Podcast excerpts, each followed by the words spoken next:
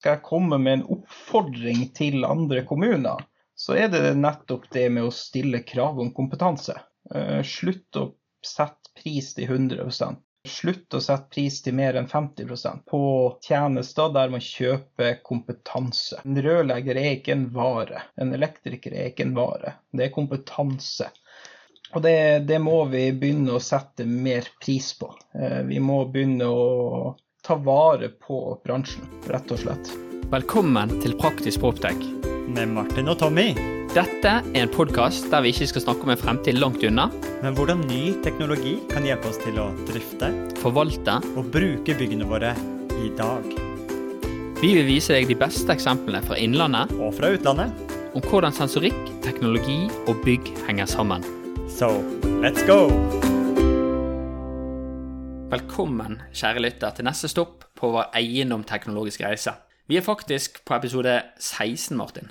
Ja, det har vært eh, tre måneder med mye eiendomsteknologiske snacks fra flere aktører i bransjen, med ganske forskjellige perspektiver på hvordan vi skal oppnå denne digitalisering av hvordan vi drifter og forvalter byggene våre. Men den observante lytteren den har fått med seg at vi har neglisjert et viktig segment, nemlig en av de største gårdeierne og driftsorganisasjonene i landet. Hva gjør Kommune-Norge på? Nettopp, så dagens episode er dedikert til alle dere som jobber med drift og teknikk i alle våre 300 pluss kommuner. Og by popular demand, som det så fint heter, har vi Roger Pettersen, avdelingsingeniør i Lillestrøm kommune, i studio med oss i dag. Velkommen, Roger. Takk, takk.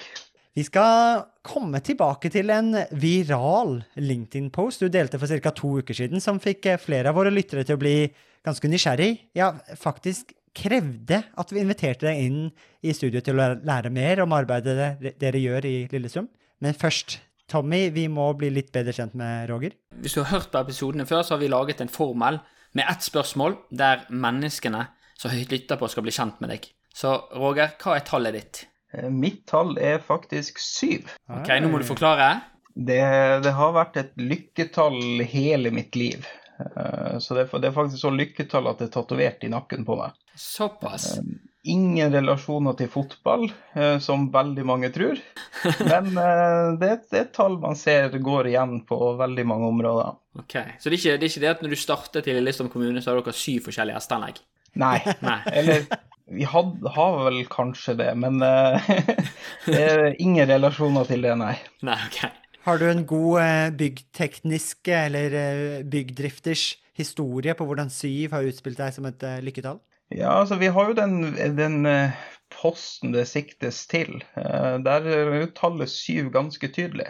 Vel å merke to syvtall etter hverandre med 77% oh, Det blir en bra teaser til når vi skal grave litt dypere den senere, Roger. Okay. Ja. Den kommer jo nå veldig snart. Det er jo litt av roten til det vi har lyst til å snakke om i dag. Men, men før vi kommer til den eh, delen der, Roger, hvor viktig Du har jo en bakgrunn fra automatikkverden. Hvor, hvor viktig er den bakgrunnen din for nå, den jobben du gjør i kommunen? Jeg vil si at den er veldig essensiell, egentlig. Med den bakgrunnen fra byggeautomasjonen som jeg har, og jobba med det i ti år, så har man fått et, en innsikt i hvordan ting fungerer eh, på en veldig god måte. Uh, nå har jeg jo også videreutdannet meg litt i ettertid. Holder faktisk på med hovedoppgave nå. Uh, så da er jeg snart utdanna klima, energi og miljø i byggingeniør, som det så pent heter i dag.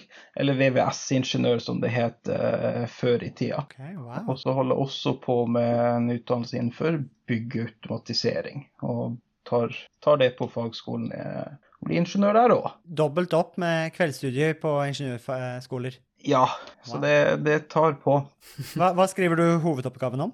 Eh, den er ganske lost for oss, dessverre. Så det er en prosjekteringsoppgave eh, fra A til Å, både med kravspekkskriving og helt ut i prising, og egentlig alt av dokumentasjon fram til byggestart. Men du har jo både med den utdannelsen nå og tidligere arbeidserfaring på kanskje mer rettet mot privat sektor. Er det stor forskjell på hvordan man jobber med drift og automatikk i det private og det kommunale? Ja, det, man har en litt annen tilnærming hos enkelte offentlige. Eh, vi er jo ikke et kommunalt foretak. Da er man jo litt mer mot den tradisjonelle måten å drifte det i privat sektor. Eh, Så vi, vi har noen byggdriftere som er fast på bygg, og vi har noen som har et knippe med bygg som de håndterer daglig. Så vi har veldig stor nærhet til de byggene vi drifter. Og eh, når vi snakker om drifting, så er jo det den jobben du har i dag i, i Lillestrøm kommune. Men hvor mange, eh, hvor mange kvadratmeter og hvor mange bygg har dere i dag? Eh, Vi, vi er vel farlig nær 500 000 kvadratmeter. Såpass. Eh, Og det er fordelt over 100 lokasjoner sånn cirka. Okay. Så noen lokasjoner med litt flere bygg på, da. Men uh, vi, vi er ikke så opptatt av å telle antall bygg, vi teller hele antall lokasjoner. Er det, er det gjennomsnittet? Sier det, eller er det veldig på 5000 kvadratmeter som er gjennomsnitt, eller har dere mange store bygg eller mange små bygg? Vi, det er en god blanding. De, vi har vel to store bygg. Det ene på litt over 15 000 kvadratmeter, og ett på litt over 20 000 kvadratmeter. Så holder vi også på å bygge en skole nå som er på rundt 15 000 kvadratmeter. Uh, Men ellers er det mye mindre bygg. Eh, Alt fra en barnehage på 200-300 kvadrat og oppover. Jeg tror vi har til og med har et utetoalett en eller annen plass i kommunen òg. Så det, det, det er en god variasjon i eh, størrelse og innhold. Og, og, og av de 100 lokasjonene, hvor, hvor mange av dem er vet ikke om man kan si smarte, da, men hvor mange av dem er tilkoblet et uh, automatikkanlegg, gjesteanlegg? Eh, Fins det automatikk på det, den utedoen dere har i kommunen nå? Eh, Den utedoen har vi beklageligvis ikke noe automatikk eller strøm generelt på, men eh, vi er faktisk oppe i rundt 90 bygg, eller 90 lokasjoner. Så det er, vi har god dekning av automatikk. Men vi kan ikke akkurat skryte på oss at det er veldig smart alle plasser. Eh, Men det er, jo et, det er jo et arbeid vi holder på med med innfasing av toppsystemet vårt, eh, som vi utvikler i lag med Powertech Engineering. Så der, der får vi også en spennende lansering etter hvert i markedet. Så er 90% av eh, bygningsmassen er, har noe slags automatikk på seg? Ja. Har dere mulighet til å fjernovervåke alle de Ja, byggene? der, eller er det- der har vi vel tilnærma 100% dekning på fjernstyring av byggene. Har det alltid vært sånn? Eh, På mange måter så har det vel alltid vært sånn, ja. Eh, Det har vært et fokus eh, tidligere, før jeg starta i kommunen, Mm. å kunne kontrollere byggene utenifra. Det er jo imponerende, for man hører jo veldig mye om, om masse kommuner som gjerne har størstedelen av byggene sine utenom SD-anlegget. Ja, Men vi, vi har jo fordelt det på fire store systemer hos oss. Og så har vi noen små systemer i tillegg. Hva slags automatikk, rammeverk eller systemer er det dere bruker i Lillestrøm? Nei, vi har, eh, Siden vi består egentlig av tre gamle kommuner, så har det vært eh, tre systemer som har ligget litt til grunn. Det er jo EM-systemer, eh, GK Cloud, Schneider sitt og Johnson Controls. Så på en måte det som er de fire store. Og så har vi jo nå begynt å innføre det nye toppsystemet fra Powertech som heter Sapphire. Eh, Så det, da får vi inn det femte egentlig, men nå blir mer og mer flytta over på det, da. Så da vi skal målet er å ende opp med ett system. Interessant eh, kontekst å lære litt på hvordan du jobber med automatikk i Lillestrøm. Men Roger, som jeg nevnte innledningsvis, og som du har hinta til allerede noen par ganger, så har vi strukturert episoden i dag rundt tre av dine LinkedIn-poster. For du deler jo flittig om kommunens kommunen sitt eiendomsinnovasjonsarbeid i Lillestrøm, og er aktiv med i de eiendomsteknologiske diskusjonene som man ofte skjer, ser skjer på LinkedIn. Vi ser jo dette er jo en plattform hvor eh, vi sammen som en bransje kan navigere dette eiendomsteknologiske skiftet vi står overfor, og holde oss oppdatert, diskutere vinklinger. Hva, hva, hva tenker du om LinkedIn? Er det en god plattform for bransjen vår? Ja, det, det er jo ikke en plattform jeg har vært noen bruker av tidligere.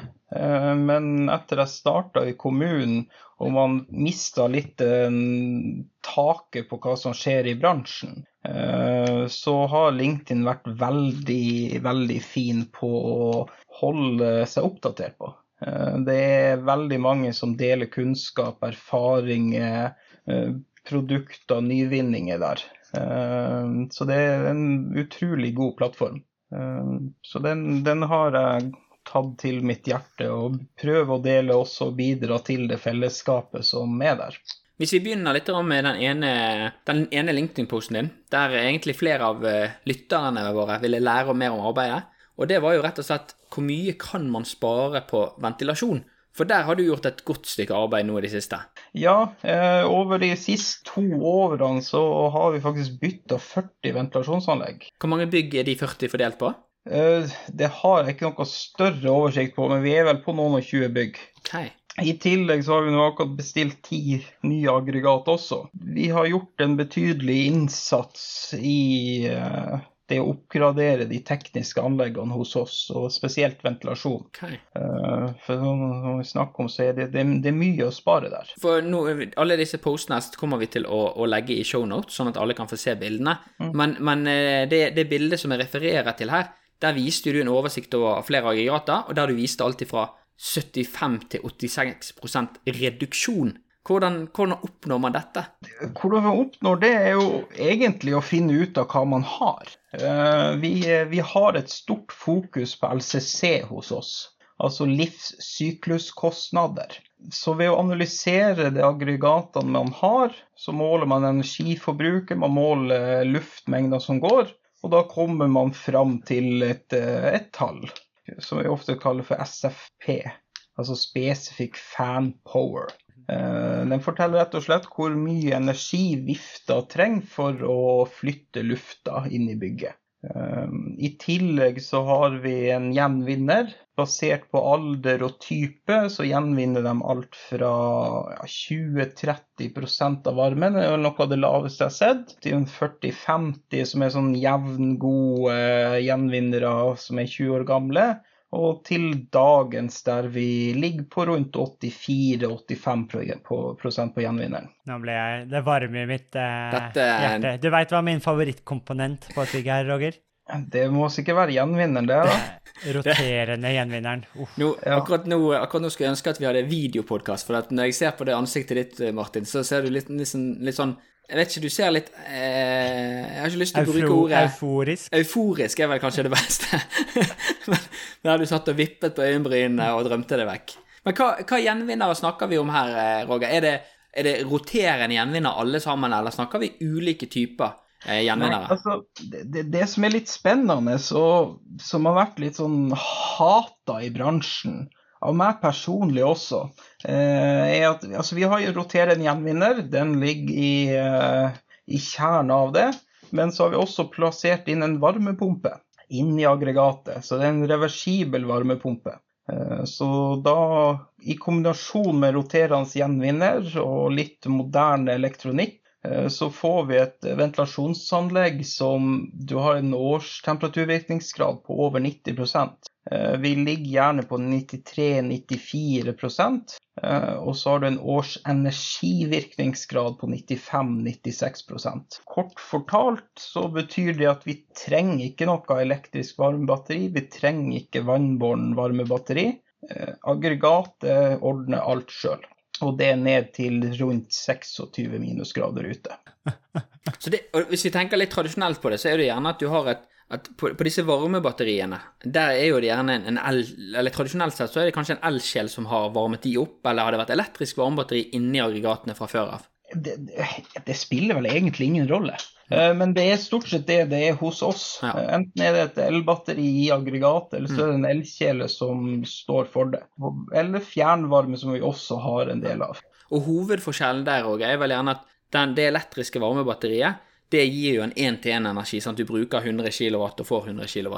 Men den Ja. varmepumpen, hvor mye Hvordan er, er, er på en måte tallet der? Der har jeg ikke sånn helt nøyaktig tall, men den er, den er jo laga for å stå i det miljøet. Mm. Og den er optimalisert for å fungere helt perfekt. Mm. Uh, Så vi har gjerne en SFP på 5-6 ikke SFP. En, vi har gjerne en COP på 5-6. På sommerstid opp mot 7-8 når den går i kjøling. Ok, så det er faktisk Eh, bedre når den går i kjøling. Den er faktisk bedre når den går i kjøling, og det er også en veldig fin ting. Vi får kjøling på våre bygg. Hm.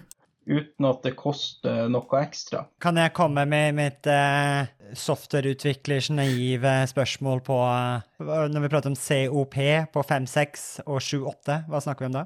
Eh, Det betyr at hvis vi putter 1 kilowatt inn i den, eh, så får vi en kjøleeffekt eller en varmeeffekt tilsvarende 5-6 kilowatt. Ok, Så hvis jeg med litt kjapp googling her på siden, er det coefficient of performance? Det er helt korrekt. Så hvis vi oppsummerer litt da, da de store besparelsene, så er det rett og slett at dere går gjerne fra en, en virkningsgrad på gjenvinneren til 30-80% eller par 80, det vil si at du gjenvinner 30-80 av, av det du trekker ut av bygget. Og i tillegg så bytter dere ut det elektriske varmebatteriet med en varmepumpeteknologi som gir en mye bedre effekt. Ja.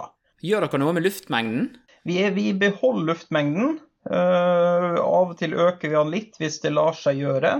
Eh, men litt av magien her, eh, og et, et forhold som egentlig er glemt veldig i bransjen, er trykk. Mm. Eh, hvis man kjenner til vifteloven, så har man luftmengden. Øker du den 10% så øker luftmengden 10% Men trykket den går i andre potens, så da øker trykket ca. 21 eh, Og så har du energiforbruket. Det går i tredje potens.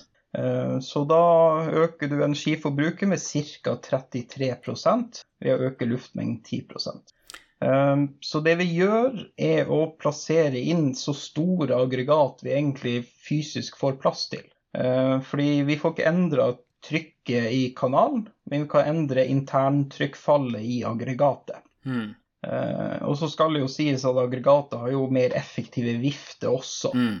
Eh, Så vi bruker mindre energi generelt. Eh, Og man har også en gjenvinner som har et trykkfall. Så da vi, kjører vi en LCC-analyse, og så ser vi hvilken gjenvinner som gir best totalregnskap av energiforbruk. For her òg er vi inne på kanskje den, den tredje komponenten, som er selve viftene. For det er vel godt mulig at på noen av disse aggregatene dere har, så har dere kanskje det, noen viftereimer og, og ikke disse direktedrevne viftene. Går dere for EC-vifter, eller går dere for frekvensomformere? Nei, vi går utelukkende for EC-vifte. Ja. Direktekoblede vifter. Direktekobla vifter, de har alt innebygd. Mm. Mindre som kan gå galt, og mindre som kødder seg til. Mm. Men I tillegg så er de veldig effektive. Eh, Jeg ser nå på den nyeste eh, teknologien på vifta som er kommet, så vi er oppe i en virkningsgrad på rundt 70% på vifta. For dette her er jo Jeg, ser jo på ITB aktuelt at dere gikk ut sammen med Ive Produkt og, og rett og slett viste at dette her var så fantastisk. Og jeg har jo en liten forkjærlighet for Ive Produkt. De var jo første leietaker inn på Proptech Bergen. Arild sitter jo eh, på bygget med oss. Og det som jeg syns er spennende, er jo det at de, de er jo veldig flinke å få inn disse aggregatene på trange plasser. Og, og litt sånn at de er De har, ser ut virker som de er etter en fortrinn med størrelsen sin, at de klarer å få mest mulig ut av plassen. Ja, eh, de har jo den produktserien som heter Easy Access. Mm. Eh, Der er jo modulene først og fremst er de laga for å kunne gå gjennom døråpninger. Eh, Men du får dem også litt mer demontert enn mange andre grad, sånn at du kan få dem inn i veldig mye mindre åpninger. Du sikter jo kanskje til den jobben vi hadde på Skedsmotun, Mm. et eh, største, eller nest største sykehjemmet vi har i kommunen, på litt over 15 000 kvadratmeter. Eh, Der bytta vi ganske mange aggregat. Eh, Alle kom med Easy Access, for vi hadde rett og slett ikke takhøyde for å få dem inn. Mm. Eh, Så da plasserte vi 2,5-3 meter høye aggregat inn i tekniske rom midt i bygget, selv om det var knapt nok to meter takhøyde på veien inn. Hm. Hvor, hvor mye måtte dere rive på denne reisen her? Ikke en eneste skrue. Eh, Vi demonterte noen rekkverk bare for at det var ikke svingradius nok for å komme oss inn eh, døråpninga og så en trapp ned i tekniske rom. Men utover det så har vi ikke gjort noe bygningsmessig. Det, det, dette her er jo litt unikt for de som ikke har vært med på en ventilasjonsentreprise før. For det, de fleste plasser jeg har vært med på dette, så snakker vi, vi gjerne om å rive vegger, rive dører eh, og dra dette her inn. Men her er det, er det bygd på stedet, da, hvis de er såpass høye, at de kommer i forskjellige moduler. Eh, De kommer, i, altså de kommer egentlig sånn som du bestiller dem. Eh, Men eh, de fleste aggregat her tok vi inn i moduler. Så da kommer de maksimalt 89 cm brei og rundt 1 meter høy. De store aggregatene er jo naturligvis litt høyere moduler på, for de deler de stort sett bare i to. Det samme gjør de med varmepumpa og, og gjenvinneren. Så det transporterer man bare på pall rett inn. Um, så det har jo også gjort at byggetida har vært veldig kort på den type jobber. Uh, vi var nede på rundt to uker fra, fra vi reiv et aggregat til det var i gang igjen. Det, men det dere har gjort, Roger, da, er ta egentlig ventilasjonsaggregat som fungerer, som muligens har litt levetid igjen, og, funn, og, og bytte dem ut med nye, mer moderne ventilasjonsaggregat? Ja, på Skedsmotun så var jo aggregatene rundt 20 år gamle. De ble installert i 2001 når bygget ble bygd, men der hadde vi så stor besparelse eh, at vi så det hensiktsmessig å få bytta dem. Har dere, beregnet uh, den uh, berømte ROI-en, return on investment? Hvor lang tid tok det å få nedbetalt den ved besparelsen? Uh, der, der, Nå har vi ikke gått helt nøye i fasiten, men beregningene tilsier en nedbetalingstid på seks og et halvt år. Eh, vi reduserte energiforbruket på bygget med 1,2 millioner kilowattimer årlig.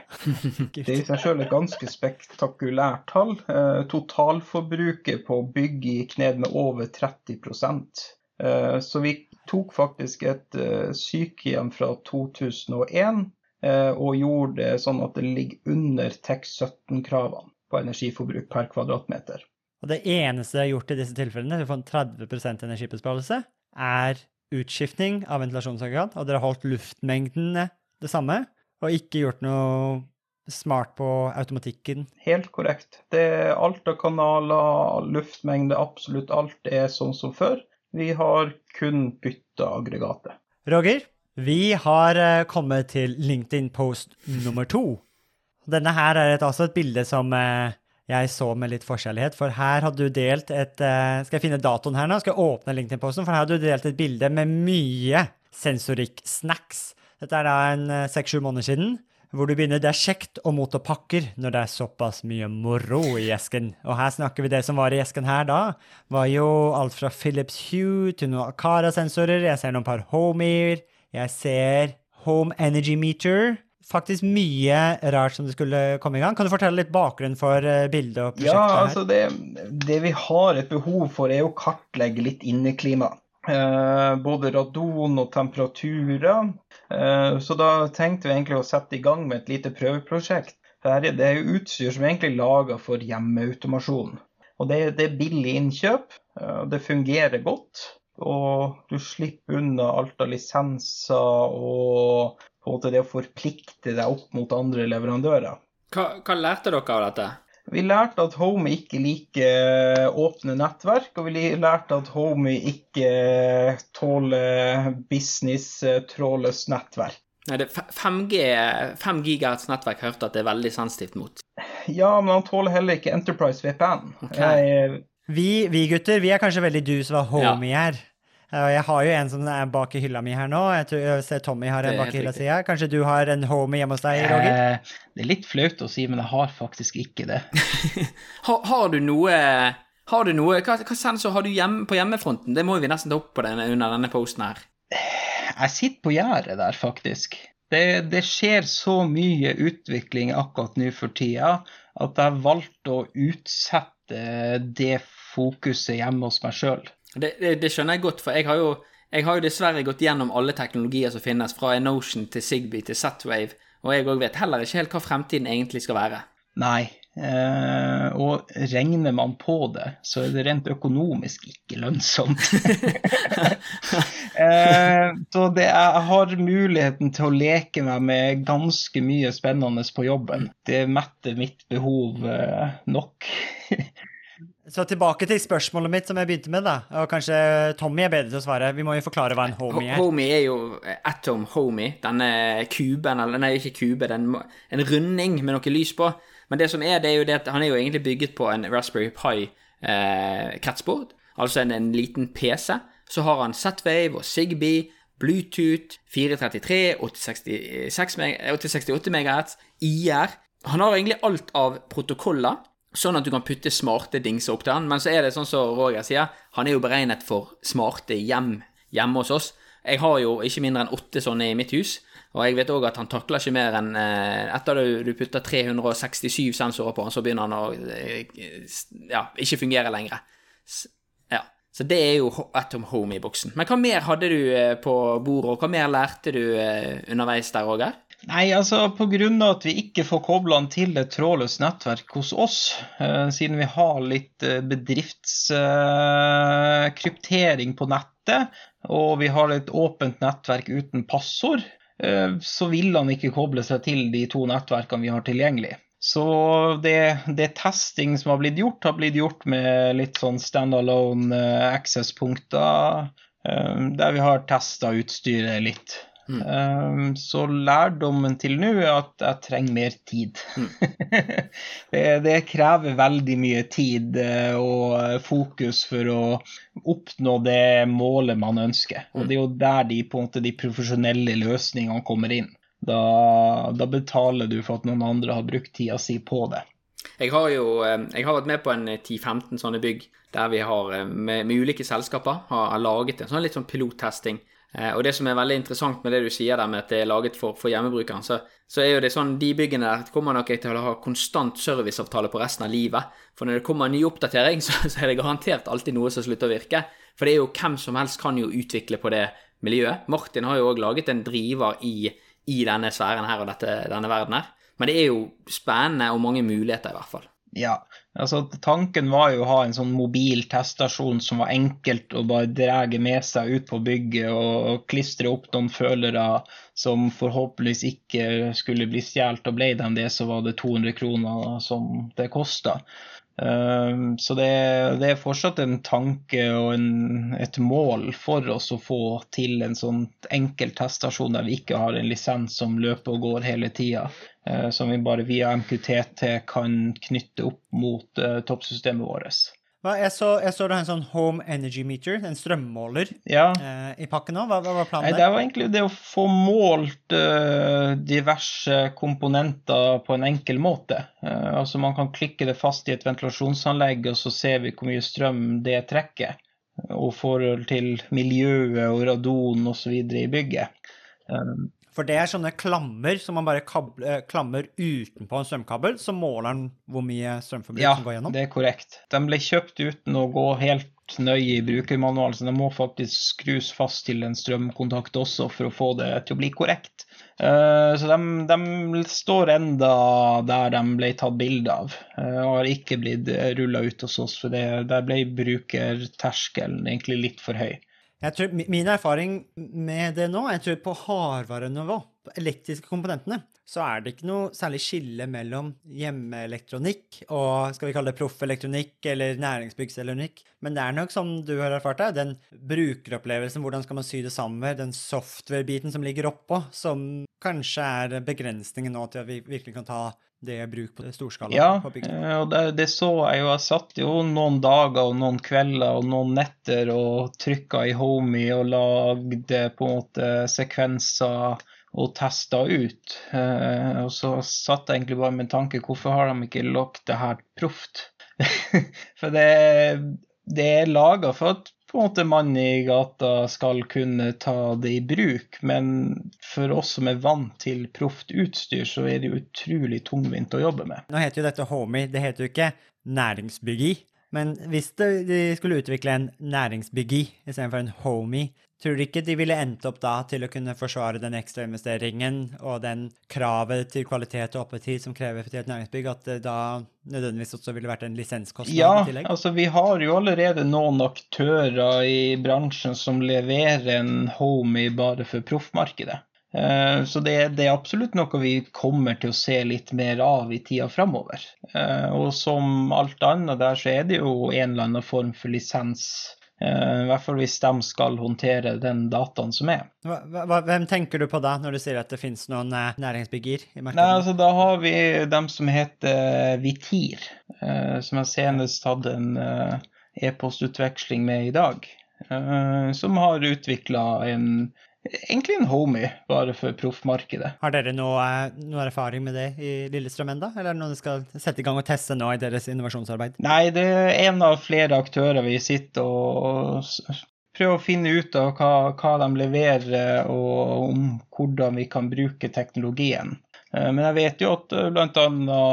Bærum kommune kultur- og idrettsbygg i Oslo og litt sånne aktører er på kundelista deres. Så det, det, er produkter som er i markedet og er i bruk. Og da har vi kommet til tredje LinkedIn-post, Tommy. Yes, og det er jo hvordan vi egentlig oppsummerer del én og del to. Her snakker du om hvordan dere tenker på energi på ventilasjon på en ny måte, hvordan dere tester sensorikk. Og det som jeg ofte syns, det er jo det at entreprisemodeller, og særlig totalentrepriser, kan være veldig ugunstig for de som er ansvarlig for teknologi.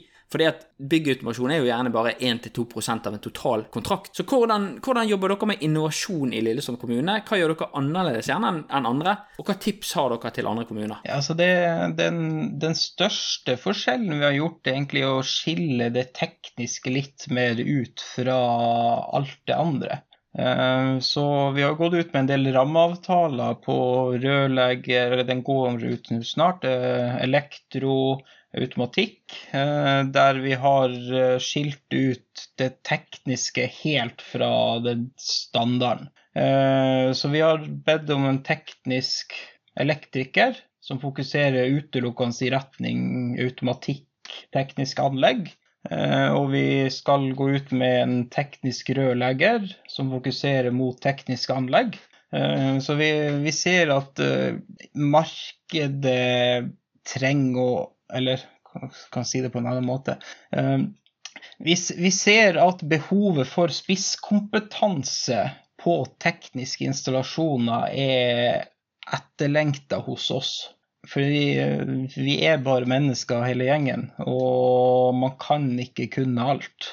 Det som, litt, det som jeg syns var veldig kult, det som du gjorde, er jo det at veldig ofte på sånne kommun, kommunale entrepriser, så må du gjerne inn på den portalen Doffin og leite. Men du har jo òg delt det i, i, på LinkedIn og sagt at du oppfordrer liksom alle i markedet til å, til å være med på denne innovasjonsrammeavtalen som dere har lyst til å få ut, eh, og rett og slett eh, prøve å, å, å finne de riktige leverandørene. Ja, altså markedet er stort. Det er mange små som nødvendigvis ikke er like godt kjent med Doffin, offentlige anskaffelser. Eh, så jeg er glad i å prøve å spre det glade budskapet på LinkedIn. Eh, sånn at man kanskje når ut til de aktørene som sitter på en god idé, eller har begynt å sette til liv en god idé. Så på automatikk, eh, der fikk vi jo noen kjente aktører og noen litt mindre kjente aktører inn eh, på rammeavtale med oss. Den LinkedIn-posten vi refererer til nå i, i del tre, var jo en veldig rød LinkedIn-prost, hvor du går ut til til nettverket på LinkedIn og sier egentlig hei, jeg trenger hjelp med å dele denne, som var rammeavtalen på automatikk som det hadde utlyst fra Lillestrøm. Det var vel i slutten av året ja. i fjor. Det var jo en litt annen tilnærming til innkjøp på automatikk som vi har sett i kommunen før. Og da skriver du her for de fleste som er vant til slike konkurranser, så vil denne oppleves som noe helt annet enn det man er vant til. Anbefaler derfor alle som er interessert i å gi tilbud, om å lese gjennom konkurransen så raskt som mulig, slik at de er forberedt hva som skal svares ut. Og Her er fokus på kompetanse, utvikling og innovasjon. Og så avslutter du sammen skal vi levere morgendagens løsning for automatikk i bygg! Utropstegn. Ja. Vi, vi stilte vel veldig få krav til hva som skulle leveres. Eh, vi har en kravspesifikasjon som ligger i, bunn, eh, som sier egentlig hva vi ikke aksepterer hos oss.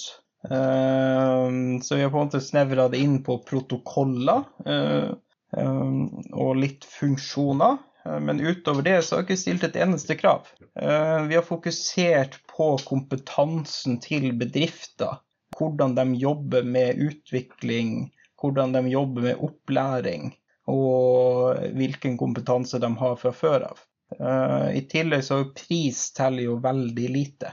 Uh, normalt sett så er gjerne har du en kravspesifikasjon som er så tett tettpakka av krav at det er kun to aktører i bransjen som egentlig får lov å levere og oppfylle alt, og så er pris til 100% Så det er jo spørsmålet hvorfor skal man ha kravspekken i det hele tatt. Så det, vi, vi, gjorde stikk motsatt. Pris telte tror jeg, 40% i den konkurransen. 30 eh, på toppsystemkonkurransen vi hadde. Og kompetanse var vel over 50% på begge to. Du nevnte noe rundt krav på protokoller og teknologi i bunn. Hva, hva, hva lå i det på automatikken? Ja, altså Vi ser jo at skal vi klare å få standardisert og kommet i mål med å samle innholdet i kommunen, så må vi forholde oss til noen få utvalgte protokoller. Eh, så da har vi jo sagt at altså den, den gode gamle, vi kan nesten si nå, men Backnet, eh, som vi aksepterer. Og så tar vi inn litt mer moderne protokoller som MQTT og eh, API-er. All, all byggautomatikkdata i Lillestrøm kommune framover skal enten gå over Bakknett, MQTT, som vi kanskje må eh, forklare Tommy, og API-er, REST-API-er. Den tror jeg også fortjener en egen episode. Ja, det, jeg, jeg, tror vi må komme grundigere inn på det. Men, men, hvis vi skal kort oppsummere, så er jo Bachnet står jo for Building Automation Controller, altså standarden vi har brukt i, i, i byggautomasjon de, de, siste Som stammer vel tilbake på 80-tallet? Han er fra 1987, eh, men han, det er på en måte den standarden vi har brukt i byggautomasjon i hvert fall de siste 10-12 årene. Eh, og så har jo du MQTT, som er mer IOT-standarden, eller kanskje kommer til å bli IOT-standarden. Jeg har jo en knapp på at MQTT blir den nye standarden for alle bygg. Kan jeg ta forkortelsen, siden du tok baknett? Kjør det. Message Queuing Telemetry Transport, som er en lettvekst eh, publisering- og abonneringsnettverksprotokoll eh, for, eh, for IOT-enheter. Ja. Han, han, kom vel, den kom vel jeg mener i midten av 90-tallet eller noe sånt. Men så fikk jo han virkelig fart rundt 2007-2008 med, med IOT-trenden. Og jeg ser jo det nå begynner å bli Jeg, jeg ser jo det også i mitt arbeid, at det begynner å bli et, en arvetaker, en, en, standard på hvordan IOT-enheter, eller i hvert fall hvordan vi skal Kanskje ikke hvordan enheten i seg selv nødvendigvis skal kommunisere, men hvordan vi skal kommunisere sanntidsdata kontinuerlig mellom enheter. For det er ganske lett vekst. For det er gjerne ikke API er kanskje ikke så veldig bra på det å, å hele tiden publisere sanntidsdata, kanskje. Det var en digresjon, Roger, for nå skal vi fokusere på Kommune-Norge. Nå uh, våkner vi opp med ideer om nye fremtidige episoder. Vi kommer oss videre enn episode 16, det er tydelig, Tommy. Ja. Jeg, tror, jeg, tror, Martin, det er på tide med, med et lite sånn avslutningsspørsmål. Og ja. det er jo Det som jeg lurer veldig på, Roger, det er jo når du snakker om reisen dere har gjort, uh, utskiftning av komponenter, innovasjon, så høres det eh, veldig enkelt ut når du forteller det. Men er det vanskelig å drive med innovasjon i kommunen? og har du noen tips til andre som har lyst til å gjøre noe à la det dere gjør på? Altså, in Innovasjon er både enkelt og vanskelig. Vi eh, innoverer jo ikke så mye sjøl. Eh, vi er jo avhengig av at andre aktører i bransjen tar den jobben. Eh, men vi, i hvert fall hos oss, er vi veldig interessert i å være den sparringspartneren med de aktørene. Vi liker å ligge litt fremoverlent, teste ut ting, snakke med de aktørene som er i bransjen, komme med tilbakemeldinger på hvordan vi ser at våre behov trenger å bli dekt. Eh, men vi har jo også offentlig anskaffelse, reglement å forholde oss til, som setter sine begrensninger. Så det, det, det er utfordrende. Og det er derfor vi i rammeavtalene fokuserer på det å hente inn kompetanse. Eh, hente inn de gode folkene, hente inn de gode bedriftene. Eh, sånn at man i større grad kan jobbe litt mer med innovasjon, utvikling.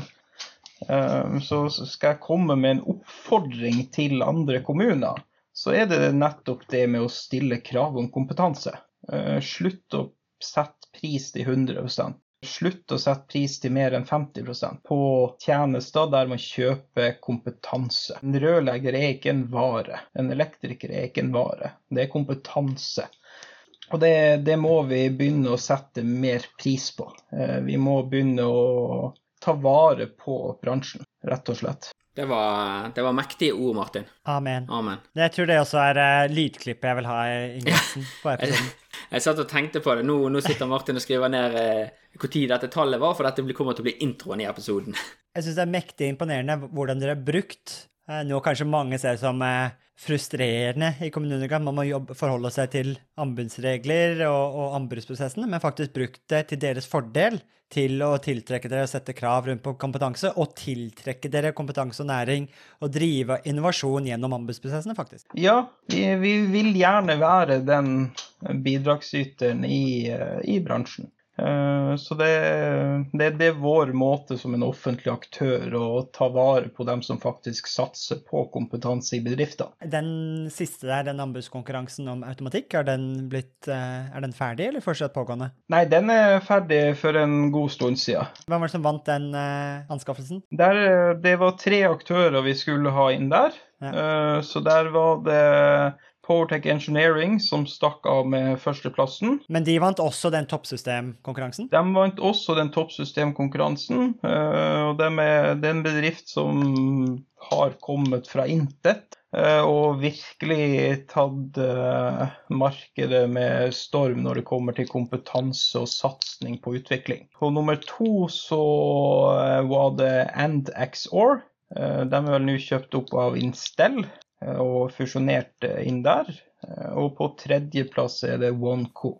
Det er jo et eh, sånn delvis bergensbasert uh, selskap som har begynt å trekke litt østover òg. Og med de eh, innsiktsmomentene og tre LinkedIn-postene fra Lillestrøm kommune er vi nok en episode av Praktisk Proptech over. Mitt navn er Martin, Mitt navn er Roger. Og mitt navn er Tommy. og du har nettopp hørt på Praktisk Proptech. That's a wrap. Jeg, tar den en gang til? Skal vi ta... Nei, avslutningen var god. ja, jeg syns den var bra. Jeg tror aldri vi har tatt den uten å ta den en gang til. Nei, jeg vet det. Fantastisk. Roger, 16. gangen. fantastisk. Da dere er 2024 i gang, og et av høydepunktene på starten av året er jo sett sammen et årshjul, og det har vi også gjort, Tommy. Ja, Akkurat nå sitter jeg og ringer rundt 25. og 26. april, for da skal vi på FTV-kongressen. Og det blir litt ekstra spesielt i år, Martin. Det var jo veldig spesielt i fjor òg, for jeg husker det vakre øyeblikket når eh, du og Magnus fra FTV-kongressen eh, preiket sammen og egentlig unnfanget og satt sammen en god idé. Og det var jo invitasjonen til eh, Proptech-dugnaden, som også blir et høydepunkt i år, ikke sant, Magnus, på FTV-kongressen 2024. Jo, det stemmer det. Vi setter godt med plass i år til, til dugnaden. En eh, god og sprø idé for å sette praktisk Proptech ut faktisk i livet og eh, vise hva vi får til, ikke bare fortelle. Det var, jo, det var jo veldig gøy, for jeg husker da jeg skulle pitche dette til deg, så tror jeg du avbrøt meg og bare sa 'vi er med'. Og når vi var på dugnaden, så sa du òg at Tommy, dette her må vi ta med oss tilbake på FTV-kongressen. Vi må jo praktisk få dette vekk fra Powerpoint og vise praktisk hvordan vi har gjort det. Og det syns jeg blir litt spesielt i år, at det blir jo for meg en liten reunion av det som skjedde der ute. Men, men eh, FTV-kongressen er vel mye mer enn en, bare en reunion òg. Jo da, det er en møteplass for eh, FTV Norge, og vi ønsker å skape det til en, en god møteplass for FTV Norge, som, som tross alt tar vare på Norges største fastlandsnæring. Og da skal vi da skal vi ha en god arena å møtes for å se på felles eh, utfordringer og problemer, men ikke minst hvordan vi kan løse ting fremover. Og så blir eh, dugnaden en sånn eh, bekreftelse på hvordan vi faktisk eh, kan gjøre det, istedenfor å stå og bare høre om hvordan vi kunne ha gjort det. Det er veldig kult. Og januar er jo en gavemild måned, så hvis du brenner for bedre drifting av bygg, så kan du få med deg en liten eh, rabattkode her også, så møtes vi kanskje 25.-26. april på Tung kongress Gardermoen, og den rabattkoden er ikke vanskeligere enn Praktisk Proptech med små bokstaver og uten mellomrom. Praktisk Proptech. Praktisk Proptech, små bokstaver, ingen mellom ett ord. ftvkongressen.no, der ser du programmet, det blir oppdatert i disse dagene, og så møtes vi i april. Vi Vi ses! ses!